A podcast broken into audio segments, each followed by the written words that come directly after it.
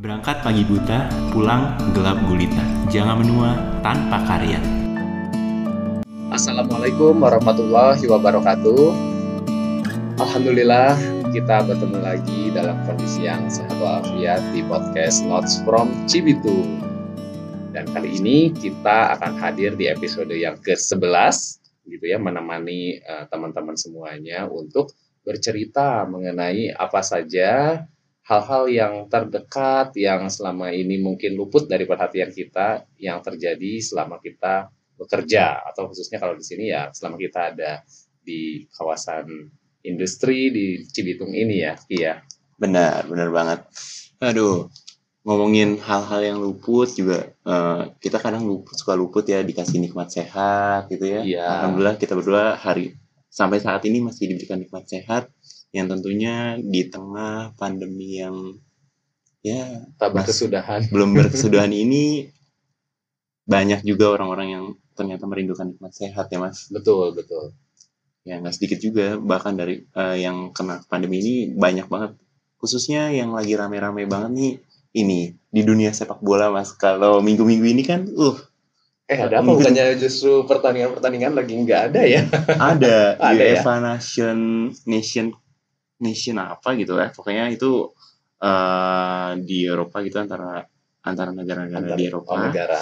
nah itu di antara itu uh, justru keluar berita-berita nih kayak kemarin uh. Kylian Mbappe uh, ini positif COVID, ya, terus juga Neymar, mm, betul, dan banyak lah bintang Prancis lainnya. Hmm. Itu lumayan lumayan seru sih kalau kita ngikutin ya. Mereka akhirnya diapain sih? Diisolasi gitu? Iya, kalau di sana sebenarnya rata-rata pemain bola isolasi mandiri sih. Dan oh. sejauh ini dari sebanyaknya pemain bola yang diisolasi mandiri karena COVID, rata-rata sembuh sih. Oh, sembuh Iya, mungkin iya. karena mereka lebih daya tahan tubuhnya juga iya, bagus ya. Uh, terus juga multivitaminnya juga ya. Namanya juga atlet ya, iya, beda. Ada doping. doping. Jadi si siapa coronanya ditendang ya sama mereka. Gak tahu juga ya. Terus ada berita apa lagi nih? Yang gak kalah seru mas kalau dari sepak bola nih. Hmm. Ini Messi nih Messi. Masa ya. kemarin pasti sempat ngarepin kan pindah iya, ke, ke City. City kan? Uh -uh. Emang jadi kan?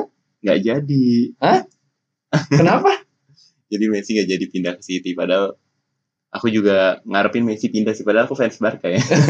Tapi ya maksudnya emang di Barkanya kasihan sih ya Messi ini. Iya. Kayak kerja sendiri gak sih? Mm -mm, lebih kayak gitu sih. Nah si Messi ini gak jadi pindah karena lebih ke ini. Dia tuh menghargai klubnya gitu. Ya oh. mungkin kasihan juga aku jadi fans Barca juga kasihan justru kasihan sama Barca gitu ya. Hmm. kayak mohon-mohon gitu sama Messi. Akhirnya dia tetap tinggal di ada sih interview eksklusifnya tuh dia diwawancara sama mar majalah Marca kalau nggak salah hmm. di Spanyol. Hmm. Nah itu dia bilang alasan saya tinggal tuh karena cinta. Oh. Kalau saya memang karena uang, hmm. karena uang nih, uh, itu saya akan pergi dari tahun-tahun lalu yeah, gitu. Yeah. Karena namanya seorang Messi itu ya banyak klub-klub yang memang menginginkan dan bisa gaji dia berkali-kali lipat dibanding di Barca. Gitu. Iya. Tuh. Dan mungkin itu, apa karena Barca yang membesarkan namanya juga ya? Benar sih, ya mungkin dia balas bu satu sisi balas budi juga kali ya. Hmm.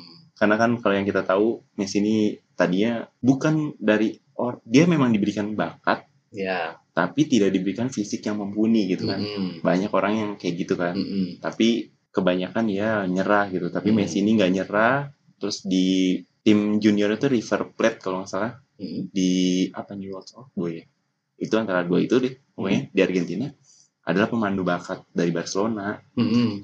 datanglah ngelihat Messi main itu terus habis itu langsung dikontrak kan kalau di aturan di Eropa itu jadi kalau kita mau ngontrak mindahin pemain usia yang di bawah usia ini yang seharusnya Iya. usia yang di, boleh bekerja Iya.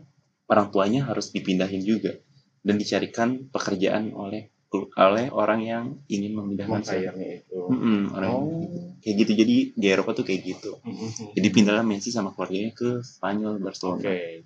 jadi mungkin karena itu juga ya Hmm. tapi sebenarnya aku sedih juga sih eh Messi itu harusnya emang udah udah pindah lah gitu kasihan dia udah terlalu lama di Barcelona Aduh, aduh. nah tapi dari konsep Messi ini mas Iya. sebenarnya ini nyambung nih sama yang lagi nge-in di Twitter Eh, ada apa di Twitter, Ki? lagi rame lagi ini naon deui tah gila saya kelihatannya kayak update WhatsApp Twitter ya. banget lah orang kamu ngupdate banget di Twitter. Saya tiap hari buka Twitter loh sebetulnya dan selalu ngelihat yang muncul di timeline itu kamu dan salah satu teman kuliah saya yang rajin banget ngupdate. nah itu eh, di Twitter tuh lagi kemarin tuh sempat sempat adalah eh, perdebatan Mm-mm. Kerja atau usaha tuh idealis dulu Mm-mm. atau cuan dulu Wis. Yang penting dapur ngebul dulu gitu dapur ya. ngobrol dulu gitu kan karena kan banyak nih orang-orang zaman Ah. sekarang kayak idealis banget tapi bikin usaha keren-kerenan masuk TV padahal ternyata di di behind the scenes-nya tuh di belakangnya ya mereka ngutang ke sana sini biar usahanya kelihatannya keren dan maju gitu atau- usaha yang lagi in banget sekarang tuh apa sih coffee, Coffee shop shop. oh iya kan Aduh, itu mah menjamur luar biasa di Iya. mana-mana. saya sih sering mikir gini coffee shop itu kan eh, mereka mengedepankan insta ah, spot-spot yang instagramable Mm-mm. disertai dengan free, Free wifi. Iya sih. Mm-mm. Harga kopinya tuh ya oke lah lumayan mahal bisa tiga ribu sampai seratus ribu taruhlah gitu ya. Mm-mm. Tapi Yang kan nongkrong di situ nongkrong di lama? situnya berapa lama, wifi-nya berapa yang dikeluarin itu buat biaya wifi itu kan. Eh. Saya wifi rumahan aja tuh berasa bayar gitu. Eh. Apalagi spot corner yang kayak gitu. saya juga kadang suka ngerasa gitu sih ini soalnya di tempat saya banyak banget tuh yang namanya coffee shop dan saya jadi mikir ini mereka tuh kadang suka merhatiin juga kayaknya juga nggak laku-laku amat gitu Eh. yang datang juga nggak terlalu banyak cuman ya nggak tahu sih beberapa juga memang ada yang udah mulai tutup itu juga nggak sedikit sih yang kayak gitu Hmm. jadi ya memang sempat mikir sih ini tuh mereka eh, motivasi bikin coffee shop naon sih Biar punya yang tadi ya Eh. apa, yang penting keren gitu Eh, ya eh, keren bisa di review sama TV gitu loh. Soalnya banyak banget kayak misalnya bikin usaha aja gitu ya. Misalnya yang pasti yang paling dikejar pertama-tama adalah eh follow Instagram gue dong biar followersnya naik atau beli Mm-mm. beli followers di Instagram biar in- followers di Instagramnya sampai jumlahnya k-an gitu lah. Mm, K atau M bahkan K atau M bahkan ya. Uh, padahal kan itu cuman angka followers ya. Yang penting mah angka pembelian gitu. Kalau saya mikir gitu gitu. ya mungkin maksudnya itu Eh. untuk nge-branding juga kalau di naikin kredibilitas kali ya. iya kalau misalnya di Instagramnya dia udah banyak followersnya gitu ya asumsinya berarti dia udah ya punya nama lah gitu. Dan Hmm, akhirnya gitu ya. orang tertarik. Mungkin gitu sih. Ya itu tapi mungkin. tapi lucu gitu kadang-kadang followersnya 13k Mm. jumlah love-nya tuh cuma dua kan Iya. Semuanya lucu. sisanya fake ya berarti. Follower yang ini robot semua. Itu kan kelihatan gitu. Eh tapi ini nyambung banget sih kalau misalnya ini kita angkat hari ini. Hmm. dapur ngebul dulu atau idealis dulu ini bisa cerita dari pengalaman sih iya nggak sih bisa sih oke boleh Oke, kita masuk ke segmen itu ya. Eh, kita masuk ke segmen inti. Jadi di episode 11 ini kita coba bikin podcast yang lebih eh, menarik lagi. Yang Lebih segmen konsep ya Iya, segmen pertama itu adalah isinya adalah ya info-info update terkini gitulah ya. Yang tentunya juga nyambung dengan hal-hal yang mau kita bahas. Oke Dan habis itu kita masuk ke segmen inti.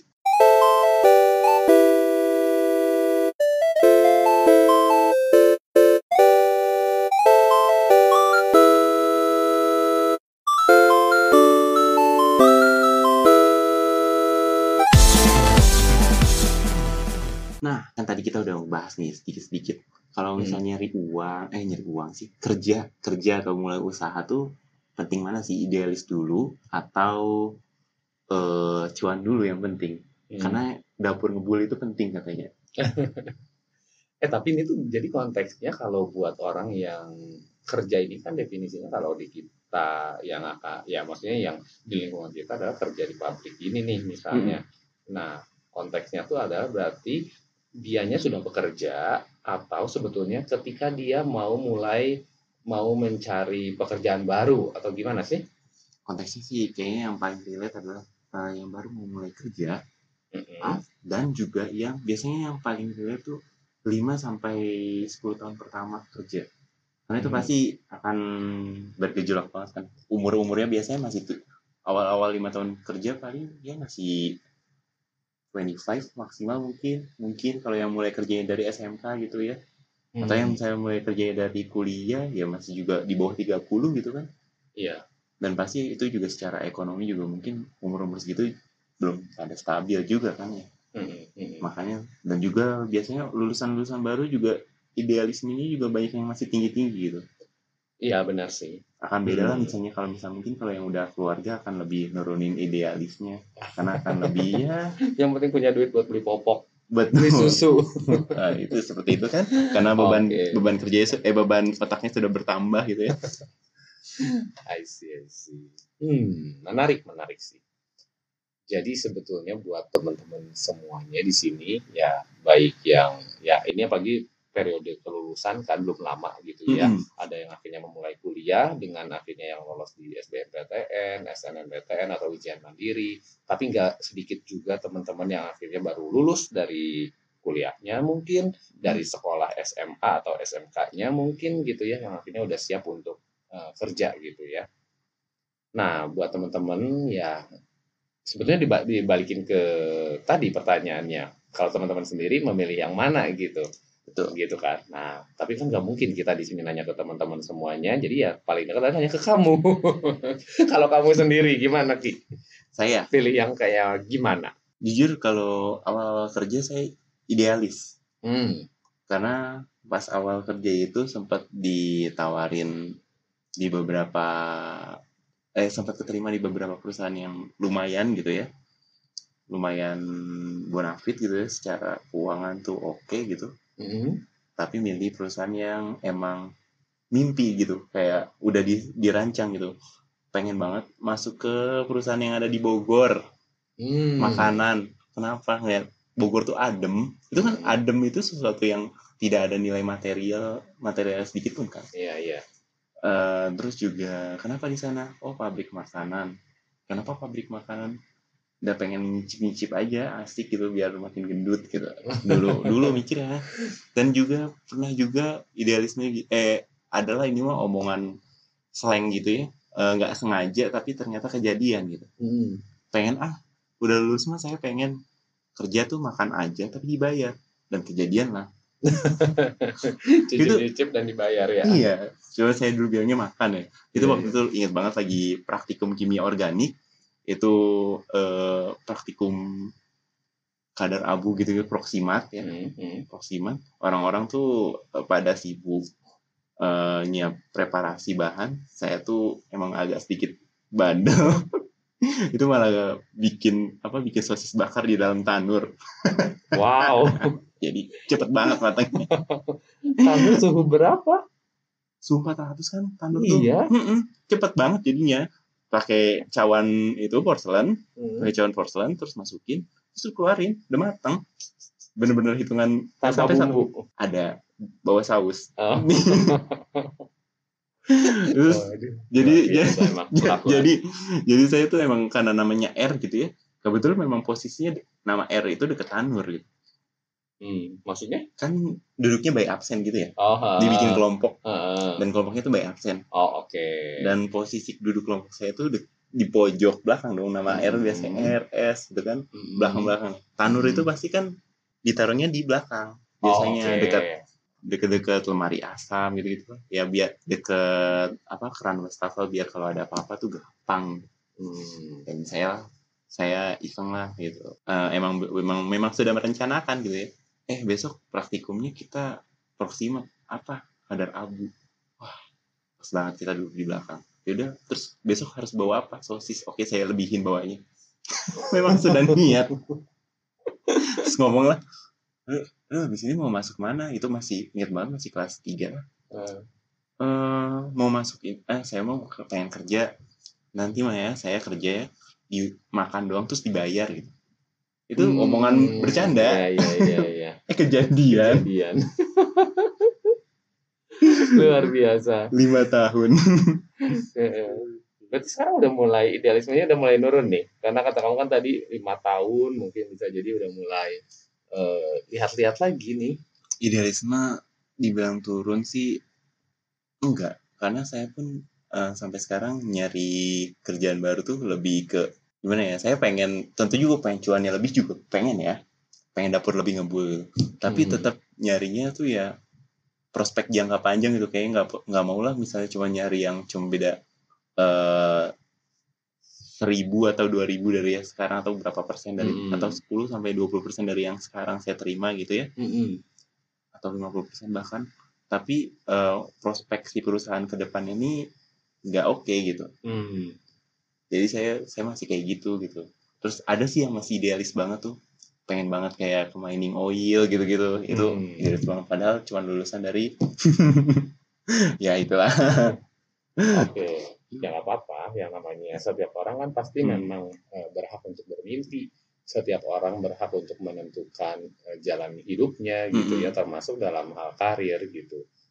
Ya, dan saya percaya sih memang setiap orang yang baru lulus itu biasanya pola pikirnya adalah apa yang dia dapat dari bangku sekolah Mm-mm. di mana hal-hal yang dia dapat dari bangku sekolah ataupun kuliah itu memang lebih banyak hal-hal yang sifatnya teoritis. Jadi lebih ke hal-hal yang idealis gitu. Ini idealnya tuh begini karena secara teori begini bilangnya. Tapi yang namanya udah kerja nanti lama-kelamaan kan akan banyak hal-hal yang sifatnya praktis. Banyak hal-hal yang sebenarnya eh nggak melulu loh harus begini karena ternyata ada trade off, ada eh, hal-hal yang ternyata nggak bisa kalau misalnya harus begitu gitu. Hmm. Misalnya salah satu trade off misalnya budget lah katakan gitu. Nah itu kan eh, nggak mungkin akhirnya semua eh, orang itu mau terus-terusan idealis kecuali dia punya cuan yang tak berujung tadi gitu ya. Betul. Kalau itu mah ya itu lain lagi lah. Tapi kan seberapa persen sih orang yang punya kemampuan kayak begitu, punya privilege kayak begitu. Rafathar mas Nah, kecuali Rafathar Kingdom ya. Rafathar sama siapa anaknya Baim Wong iya itu, aduh, dari Eh, lahir sudah sultan eh, eh, warisan ya. Tapi ya, ya makanya sebetulnya nggak apa ya, ya saya sih ngelihatnya memang idealis itu kebanyakan akan dialami oleh fresh graduate, oleh orang-orang yang baru eh, awal-awal lah kerja. Tapi lama-kelamaan dia pasti akan adaptasi dan ngelihat bahwa banyak hal-hal yang nggak bisa lagi eh, berda- bukan nggak bisa sih, mungkin lebih ke hmm, akhirnya berpikir praktis dan ngelihat aduh kayaknya nggak lagi nih yang harus benar-benar idealis sesuai dengan passion gitu. Nah. Kayaknya sih gitu sih kalau menurut saya. Apalagi saya yang memang udah ngalamin kerja udah 10 tahun itu juga ngalamin sih di awal-awal tuh pasti banyak pengen ini pengen ini itu. Waktu eh, ada project probation bahkan dulu tuh kayak punya ide-ide sendiri gitu pengen begini-begini. Nah tapi ternyata eh, apa ya ya semakin ke sini pastinya akan melihat oh kayaknya saya punya keterbatasan gitu ya nggak bisa menentukan keputusan hanya dengan kemauan saya saja gitu ya. Akhirnya lama-lama yang yang idealismenya itu ya akan Betul. terkikis sih sedikit demi sedikit tapi ini idealisme yang dalam hal bukan yang negatif ya artinya kalau kita idealisme adalah benar-benar apa yang kita pengen banget tapi itu pas dilihat lagi juga ya itu benar-benar hanya memuaskan keinginan kita aja Mm-mm. ya menurut saya memang nggak sepatutnya itu harus terus menerus diikutin ada beberapa yang harus di-adjust sesuai dengan kondisi eh, terbaru gitu Betul. Gitu sih kalau menurut saya sih sebenarnya. Nah tinggal balikin lagi ke teman-teman eh, tadi gitu ya yang memang masih punya idealisme ya silakanlah menurut saya kejar. Justru saya berharap sih banyak orang yang akhirnya dengan idealismenya itu dia mampu untuk bisa mewujudkannya gitu ya.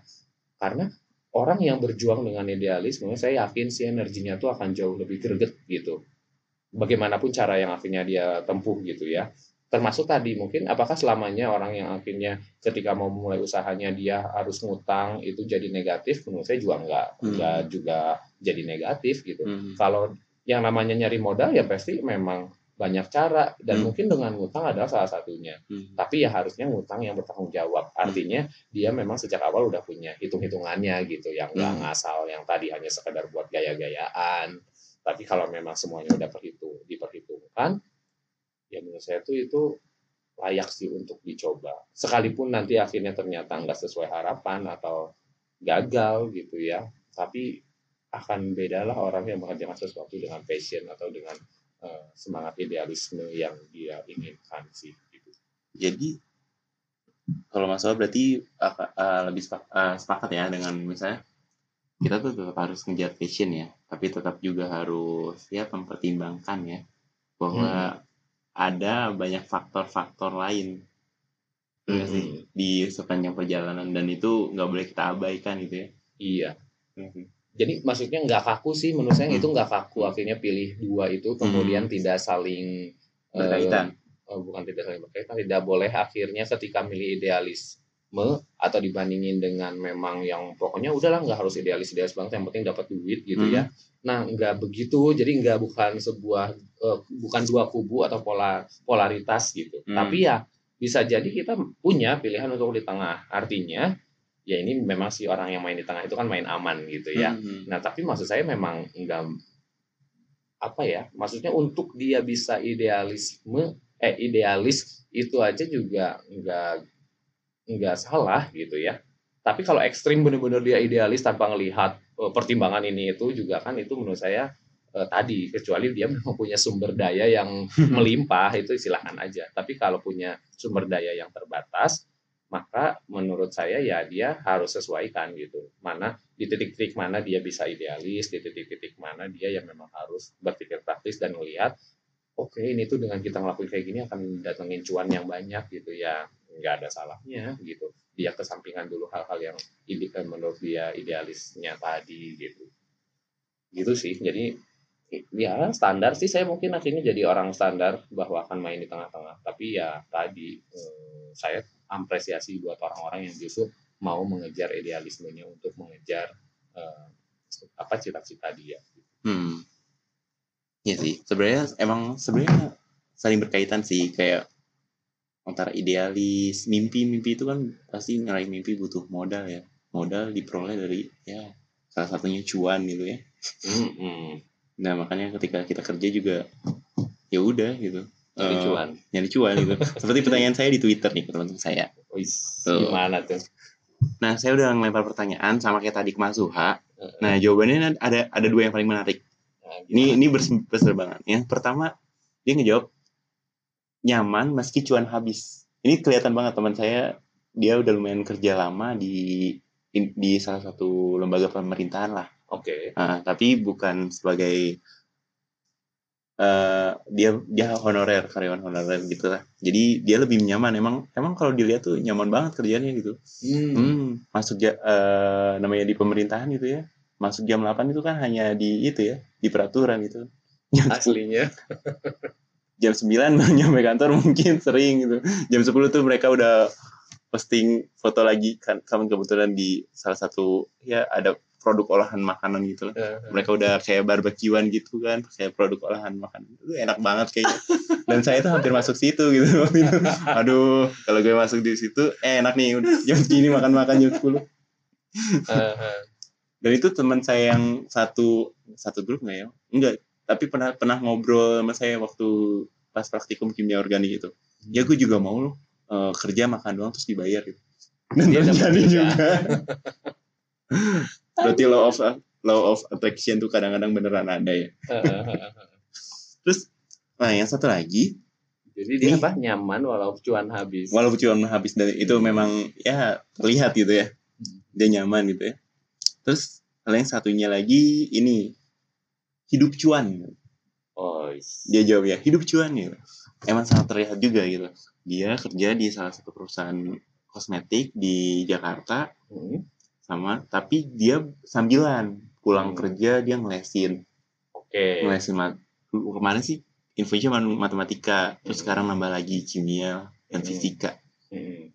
oh luar, luar biasa kata aku gila lu ya belum berani belum lulus kuliah aja udah berani gue kan kebetulan teman kuliah saya juga kan. Hmm. gue yang udah lulus saya nggak berani. Bukan nggak berani sih belum ada waktunya gitu. Dan saya nggak tahu tuh cukup salut sih perempuan kayak gitu bisa ngatur waktu dengan baik. Soalnya kan dia harus ngajar pulang Hmm. kerja. Hmm. dan paginya kerja. Ya terus saya nanya lah iseng emang berapa target uang yang mau dikumpulin? Nggak ada sebanyak banyaknya luar biasa Emang apa yang kamu lihat dia punya target apa sih dalam hidupnya terkait dengan Nah. karir atau nggak nah nggak tahu gitu? nggak tahu nggak saya makanya saya nanya makanya iseng gitu Hmm. emang targetnya ngumpulin sampai berapa sih gitu sebanyak-banyaknya gitu. Ya, jawaban lain sebenarnya banyak, cuman lebih ke ya tergantung orientasinya lah gitu. Ya. Sebe- seperti itu dan itu memang seperti itu ya. Kan saya nanya justru mau tahu orientasi mereka kan. Mm. Ya, kayak gitu. Kalau dia ambil dari dua garis besar tuh ya gitu. Itu cukup ini ya. Maksudnya masing-masing punya kelebihan lah gitu. Kerja nyaman, cuan terbatas itu juga punya kelebihan. Karena kenyamanan itu juga salah satu rezeki sebenarnya Betul. kalau disyukuri. Betul. Terus kerja dengan banyak cuan juga itu walaupun misalnya padat gitu ya, itu juga perlu disyukuri karena berarti kita berhasil memanfaatkan waktu yang telah diberikan oleh Allah Iya. kepada kita dengan baik. Benar gak mas? Hmm. Jadi kita nggak nyanyiin waktu sedikit pun gitu. Hmm. Walaupun walaupun orientasinya cuman ke sana gitu. menarik ya. Cuman benar sih. Jadi akhirnya jadi saya jadi mikir begini bahwa ya itu pilihan ya. Bahwa setiap orang itu ingin mengejar kesejahteraan gitu ya. Atau atau justru memenuhi kebutuhan kebutuhan akan kepuasan gitu ya. Mm-mm. Eh, Kan kalau idealis itu artinya ada yang terpuaskan tapi Mm. bukan dari sisi materi gitu Betul. kan yang yang yang dilihat gitu kan Mm. bukan semata-mata materi beda sama kalau misalnya memang yang eh, satu lagi yang cuan itu kan memang dia hanya melihat dari segi materi saja gitu Hmm. ya. Nah, jadi makanya kenapa saya akhirnya akan lebih apresiasi kepada orang yang lebih mau berjuang mewujudkan idealismenya bagaimanapun caranya karena justru yang seperti itulah yang menurut saya dia udah punya minimal dia sudah punya konsep yang baik dalam hidupnya. Hmm, aduh, saya kalau ngomong gini nanti disangkanya yang eh, ngejar cuan doang nggak punya konsep hidup enggak ya sebenarnya cuma maksudnya Maju dong. Kalau misalnya emang dia idealismenya adalah mengumpulkan cuan, itu kan iya itu juga konsep hidupnya dia Iya, gitu benar. ya. Nah, cuma maksudnya kalau untuk yang memang masih punya idealisme dan dia mengejar itu, tuh sama dengan orang yang sebetulnya udah tahu tujuannya mau ngapain dan dia itu benar-benar mengupayakan untuk bisa eh, memenuhi atau bisa eh, sampai ke tujuan yang dia pengen gitu. Nah, nanti di situ akan ada proses gitu kan. Akan ada perjuangan, akan ada pengorbanan yang mana saya lebih ngelihat ya hidup tuh mestinya begitu gitu Hmm. bukannya yang ngalir aja dan kemudian akhirnya tadi oh ini nih ada hal-hal yang lebih menarik ha- menarik gitu ya karena ada eh, kilauan eh, cuan dan lain sebagainya gitu ya. Pokoknya konsep-konsep materi yang menyenangkan gitu ya. Hmm. kemudian akhirnya dia pokoknya nggak kejar aja itu semua gitu. Nah itu menandakan bahwa sebenarnya dia lebih memil lebih punya ketertarikan sebatas materi saja Hmm. Padahal saya ngelihat bahwa yang namanya manusia itu tuh bukan bicara materi saja. Materi memang betul itu adalah bagian terbesar dari penciptaan manusia gitu. Tapi di samping itu bahwa ada di dalam eh, yang tidak terlihat gitu ya jiwanya yang mana pasti jiwa ini tuh punya keinginan masing-masing. Bahkan kalau misalnya jiwanya memang bersih gitu ya, dia dituntun dengan eh, petunjuk yang ada gitu ya. Tentunya petunjuk dari Allah dari Tuhan gitu ya. Bisa jadi akhirnya dia semakin akan berpikir bahwa oh kayaknya saya tuh sebetulnya hidup memang tidak harus semata-mata mengejar eh, kenikmatan materi saja tapi ada hal-hal yang harus saya perjuangkan. Misi hidup saya keinginan tadi ya. Maksudnya idealisme itu kan menurut saya itu lebih ke misi hidupnya dia Hmm. gitu. Dia pengen begini pengen berguna gitu ya. Nah lebih ke arah sana. Jadi saya nggak nggak mau sesempit tadi idealis itu adalah kerja idealis itu adalah yang sesuai dengan passion enggak Hmm. tapi lebih lebar dari itu melihatnya bahwa orang yang punya ideal yang idealis itu yang punya ideologi punya idealisme harusnya dia akan lebih punya kematangan dalam menentukan jalan hidupnya. Gitu. Dan dia harusnya udah punya strategi gitu dia mau ngapain jadi artinya adalah orang yang macam kayak gitu menurut saya tuh udah jauh lebih bisa berpikir hmm, merancang hidupnya dan tahu mau ke mana yang mana harusnya memang seperti itulah manusia gitu karena kita ada di sini tuh bukan untuk main-main tapi untuk satu tujuan yang memang sudah ditentukan Nah, sepakat sih. Setelah dengar itu sepakat. Jadi sebenarnya eh, kalau saya kalau saya sendiri ya justru mikirnya gini. eh, idealisme ini eh, nggak melulu harusnya nggak melulu dikaitkan cuma soal passion gitu ya Iya. karena idealisme itu adalah suatu ideologi pikiran gagasan pendapat seorang manusia gitu kan Mm-mm. yang harusnya dipegang teguh gitu benar nggak sih? Mm. dan biasanya eh, ya kayak misalnya contohnya ideologi negara itu kan eh, di situ memuat tujuan diciptakan negara ya gitu-gitu kan mas kayak Hmm. misalnya, misalnya ada sekarang gitu begitu juga harusnya idealisme manusia Mm-mm. berarti harusnya juga memuat apa-apa tujuan eh, dari manusia itu hidup gitu ketika Iya. kita bilang kita punya idealisme tinggi harusnya kita kerja dengan menganut nilai-nilai yang eh, mengarah ke sana gitu Mm-mm. Iya, iya itu pandangan ya, maksudnya Ya, balik eh, ini kan kita sejauh pemahamannya Ya. begitu.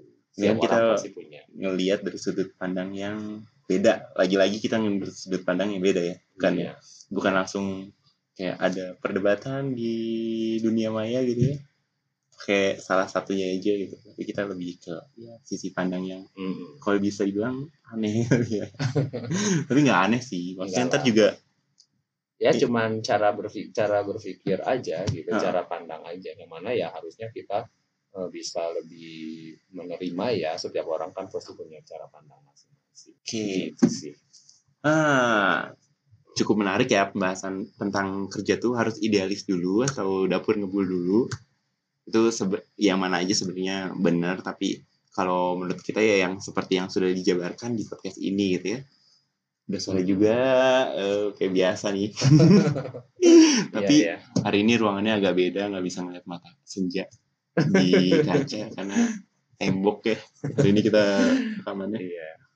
Tapi eh, senja Cibitung ha, selalu terlihat di mata sih, jadi nggak perlu untuk melihat secara langsung. Apa sih? Nggak jelas.